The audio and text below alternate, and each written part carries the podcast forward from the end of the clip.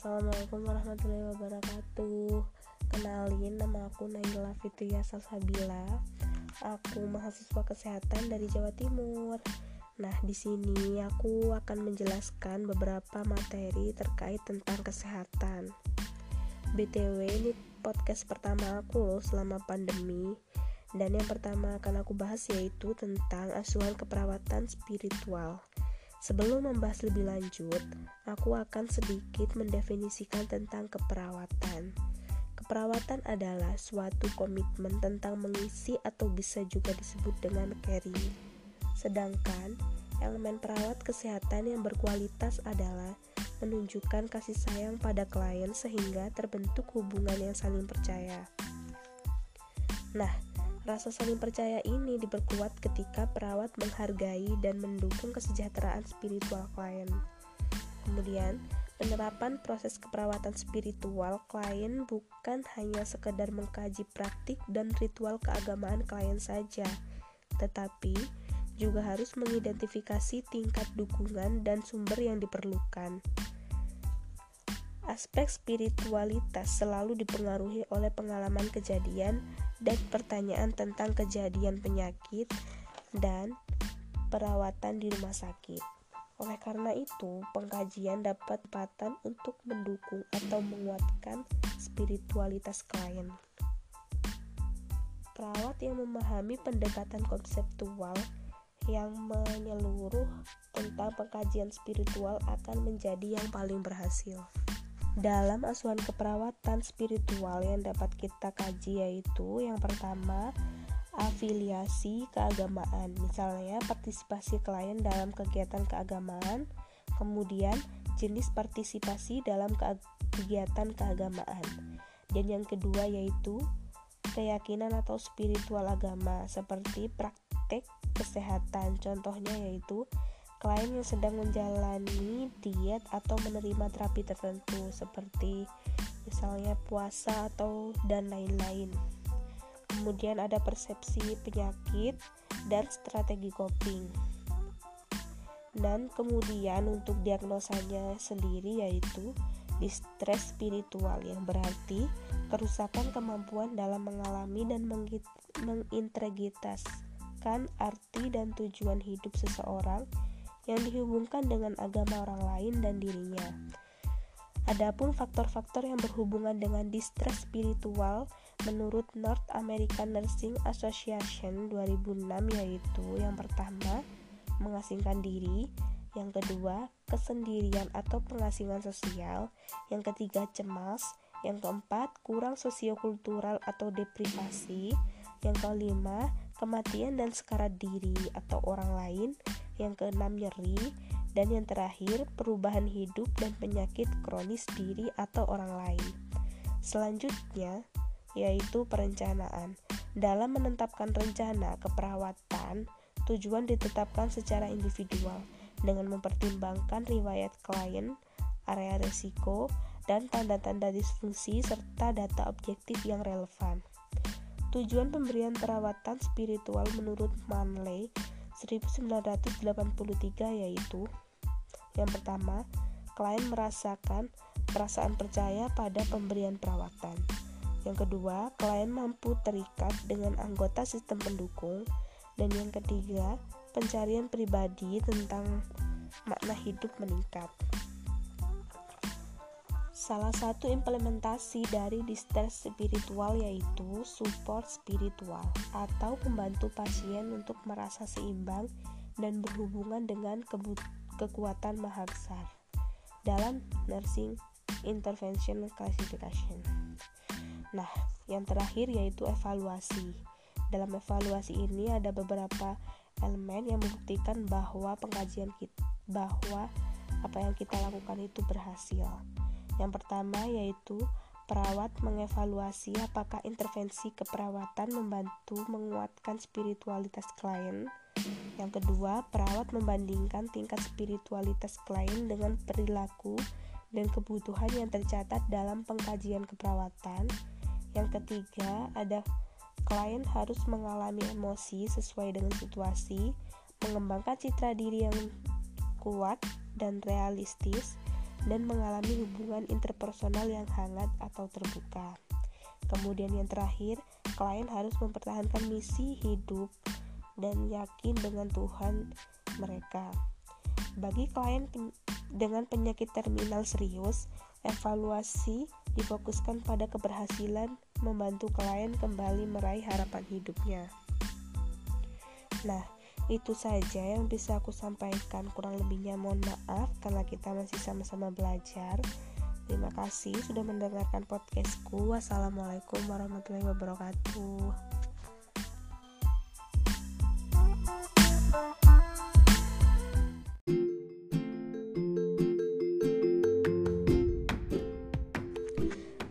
Hai, Assalamualaikum warahmatullahi wabarakatuh Kembali lagi bersama aku Naila Fitria Salsabila, mahasiswa kesehatan dari Jawa Timur. Nah, di sini aku kembali menjelaskan beberapa materi tentang kesehatan lagi loh. Dan yang akan aku bahas kali ini yaitu tentang asuhan keperawatan terkait dengan seksualitas. Nah, seperti biasa, di sini aku akan mendefinisikan terlebih dahulu. Definisi dari seksual yaitu kebutuhan dasar manusia berupa ekspresi perasaan dua orang individu secara pribadi yang saling menghargai, memperhatikan, dan menyayangi sehingga terjadi sebuah hubungan timbal balik antara kedua individu tersebut menurut Hidayat 2009. Nah, kemudian seksualitas menyangkut berbagai dimensi sangat luas yaitu dimensi biologis, sosial, perilaku, dan kultural. Dan kemudian ada dimensi seksual. Menurut Hidayat 2009, dimensi biologis atau anatomi dan fisiologi dari sistem reproduksi. Kemudian yang kedua ada dimensi psikologis, yaitu terdapat identitas jenis kelamin sebuah perasaan dari diri. Dan yang ketiga ada dimensi sosial budaya atau pandangan budaya yakni keyakinan yang berlaku di masyarakat terhadap seksual. Nah kemudian ada sikap terhadap seksualitas yaitu sikap seksual klien atau bagaimana seseorang menilai seksualnya kemudian kemudian yang kedua ada sikap nilai seksual yaitu keyakinan diri seseorang terhadap seksual. Kemudian yang ketiga ada sikap perawat terhadap seksual, yaitu perawat sebagai fasilitator pasien. Selanjutnya yaitu ada perkembangan seksual. Nah, perkembangan seksual ini sendiri dibagi menjadi beberapa tahap. Yang pertama yaitu masa prenatal dan bayi. Kemudian yang kedua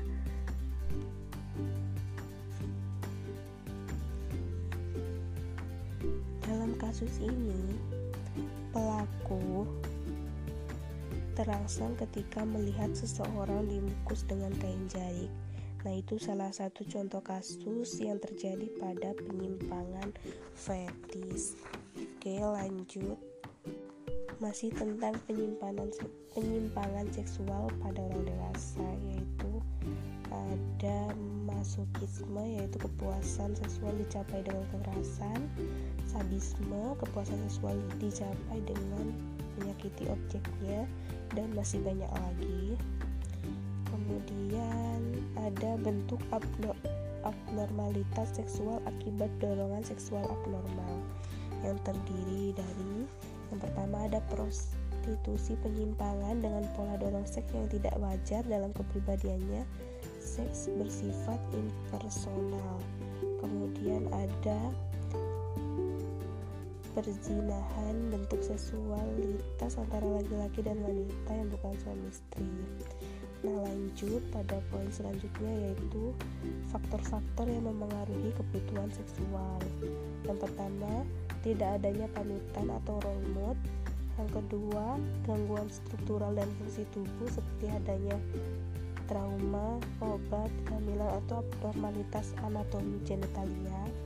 Kemudian yang ketiga ada kurang pengetahuan atau informasi yang salah mengenai masalah seksual dan yang keempat penganiayaan secara fisik.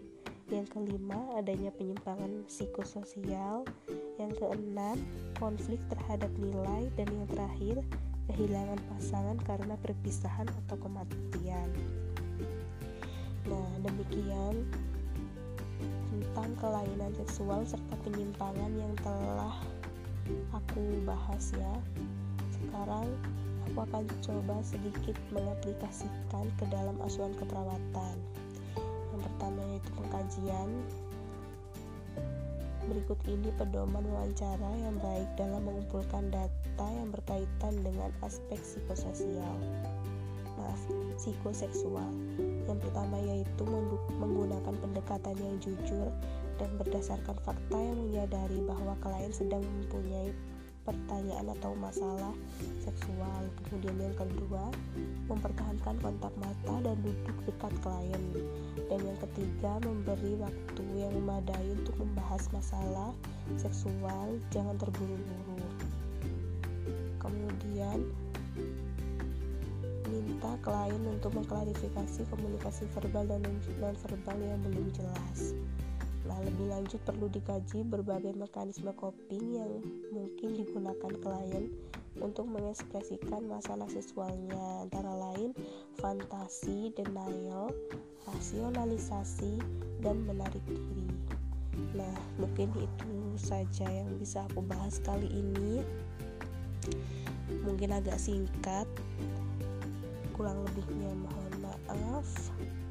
Terima kasih udah dengerin podcastku. Wassalamualaikum warahmatullahi wabarakatuh.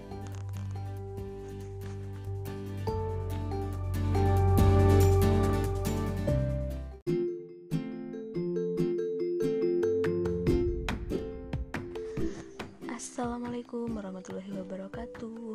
Masih inget aku nggak nih? Ya Oke kenalin nama aku Naila Fitria Salsabila. Panggil aja Naila biar gampang Nah, di sini aku kembali membuat podcast yang membahas tentang seputar keperawatan.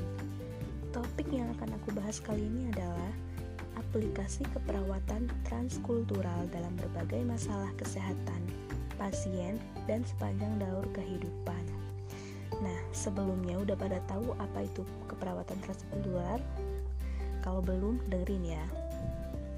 Jadi, Transkultural nursing atau keperawatan transkultural adalah suatu area atau wilayah keilmuan budaya pada proses belajar dan praktek keperawatan yang berfokus memandang perbedaan dan kesamaan di antara budaya dengan menghargai asuhan, sehat, dan sakit didasarkan pada nilai budaya manusia, kepercayaan, dan tindakan dan juga ilmu ini digunakan untuk memberikan asuhan keperawatan khususnya budaya atau keutuhan budaya kepada manusia yang dalam penggunaannya bertujuan untuk mengembangkan sains dan pohon keilmuan yang humanis sehingga tercipta praktik keperawatan pada kultur yang spesifik dan universal kultur dengan nilai-nilai dan norma-norma yang diyakini dan dilakukan hampir semua kultur.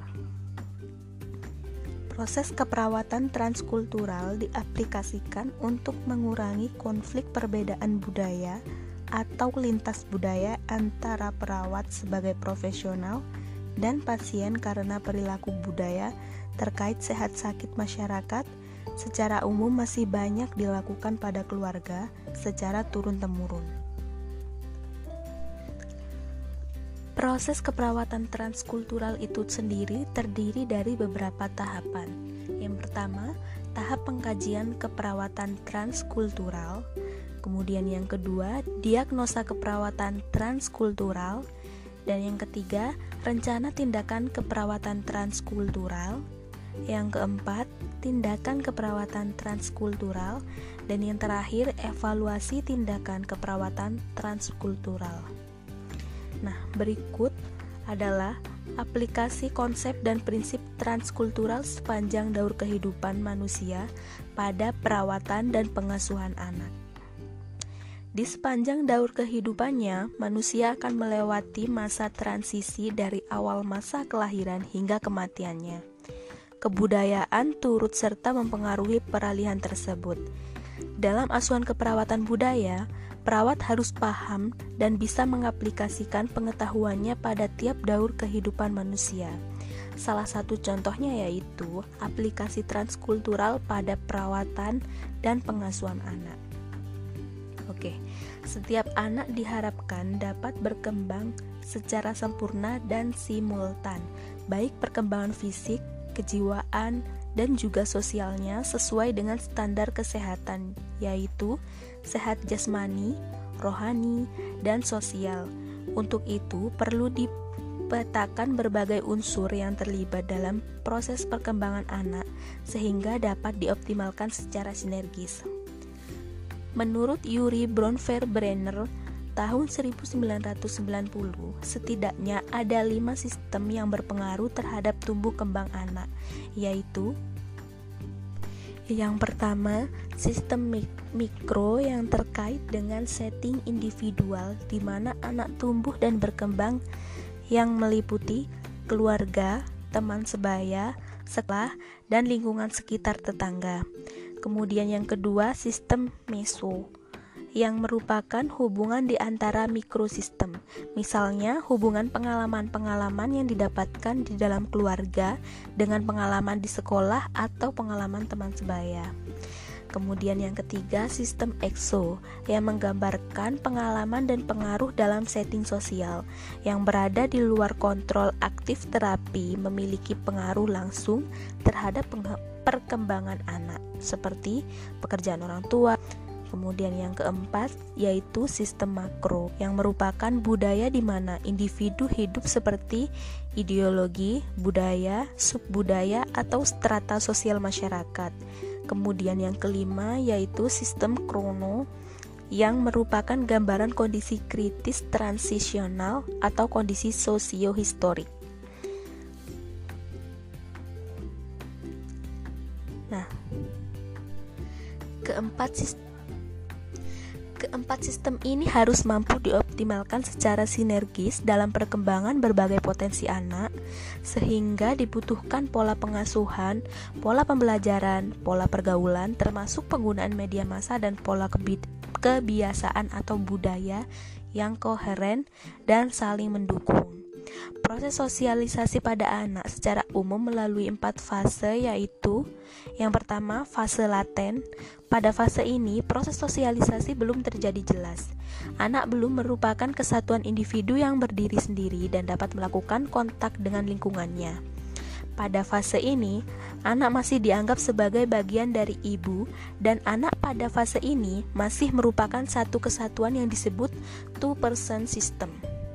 Kemudian yang kedua yaitu fase adaptif atau adaption. Pada fase ini, anak mulai mengenal lingkungan dan memberikan reaksi atau rangsangan-rangsangan dari lingkungannya. Orang tua berperan besar pada fase adaptasi. Maaf, fase adaptasi. Karena anak hanya dapat belajar dengan baik atau bantuan dan bimbingan orang tuanya. Kemudian, yang ketiga, fase pencapaian tujuan atau goal attention. Pada fase ini, dalam sosialisasi anak tidak hanya sekedar memberikan umpan balik atau rangsangan yang diberikan oleh lingkungannya, tetapi sudah memiliki maksud dan tujuan. Anak cenderung mengulangi tingkah laku tertentu untuk mendapatkan pujian dan penghargaan dari lingkungannya. Kemudian yang keempat atau atau terakhir yaitu fase integrasi atau integration. Pada fase ini tingkah laku anak tidak lagi hanya sekedar penyesuaian atau adaptasi ataupun untuk mendapatkan penghargaan, tetapi sudah menjadi bagian dari karakter yang menyatu dengan dirinya sendiri. Interaksi anak dengan lingkungannya secara tidak langsung telah mengenalkan dirinya pada kultur atau kebudayaan yang ada di sekelilingnya. Lingkungan dan keluarga turut berperan serta dalam tumbuh kembang anak. Hal ini merupakan pengaruh-pengaruh budaya yang ada di sekitarnya. Sebagai perawat, dalam memberikan pengasuhan dan perawatan perlu mengarahkan anak pada perilaku perkembangan yang normal, membantu dalam memaksimalkan kemampuannya dan menggunakan kemampuannya untuk coping dengan membantu mencapai keseimbangan perkembangan yang penting. Perawat juga harus melibatkan anak dalam merencanakan proses perkembangan karena preadolescence memiliki keterampilan kognitif dan sosial yang meningkat, sehingga dapat merencanakan aktivitas perkembangannya. Dalam lingkungannya, anak diharuskan bekerja dan bermain secara kooperatif dalam kelompok besar. Anak-anak dalam berbagai latar belakang budaya. Dalam proses ini, anak mungkin menghadapi masalah kesehatan psikososial dan fisik, misalnya meningkatnya kerentanan terhadap infeksi pernafasan, penyesuaian yang salah di sekolah, hubungan dengan kawan sebaya tidak adekuat, atau gangguan belajar. Perawat harus merancang intervensi peningkatan kesehatan anak dengan turut mengkaji kultur yang berkembang pada anak, agar tidak terjadi konflik budaya terhadap anak yang akan mengakibatkan tidak optimalnya pengasuhan dan perawatan anak. Nah, dari materi yang sudah disampaikan di atas dapat disebut dapat disimpulkan sebagai berikut. Yang pertama, proses keperawatan transkultural merupakan salah satu dasar teori untuk memenuhi asuhan keperawatan yang sesuai dengan latar belakang budaya pasien yang diaplikasikan untuk mengurangi konflik perbedaan budaya atau budaya antara perawat sebagai profesional dan pasien. Kemudian yang kedua, perilaku budaya terkait sehat sakit masyarakat secara umum masih banyak dilakukan pada keluarga secara turun-temurun. Dan poin yang ketiga, sehat dan sakit atau kesehatan dalam perspektif transkultural nursing diartikan sebagai pandangan masyarakat tentang kesehatan spesifik bergantung pada kelompok budayanya, teknologi dan dan non-teknologi pelayanan kesehatan yang diterima bergantung pada budaya, nilai, dan kepercayaan yang dianutnya. Kemudian poin yang keempat, proses keperawatan transkultural terdiri dari tahapan pengkajian, diagnosa, rencana tindakan, tindakan, dan evaluasi tindakan keperawatan transkultural. Kemudian poin yang kelima, yaitu prinsip pengkajian keperawatan transkultural berpedoman pada model konsep dari Leininger. Konsep utama dari model Sunrise berupa kultur care, worldview, kultur and social culture dimension, generic care system, professional system, kultur care preservation, kultur care accommodation, kultur care rapid turning, dan kultur kongruen. Kemudian poin yang terakhir, rencana tindakan transkultural didasari pada prinsip rencana tindakan dari teori Sunrise Model yang terdiri dari tiga strategi tindakan, yaitu yang pertama, perlindungan perawanan budaya, yang kedua, pemeliharaannya, kemudian yang ketiga, akomodasi perawatan budaya atau negosiasi budaya, perumusan kembali dan restrukturasi. Oke, mungkin segini dulu podcast aku kali ini. Semoga bermanfaat. Stay safe and enjoy. Wassalamualaikum warahmatullahi wabarakatuh. Dah.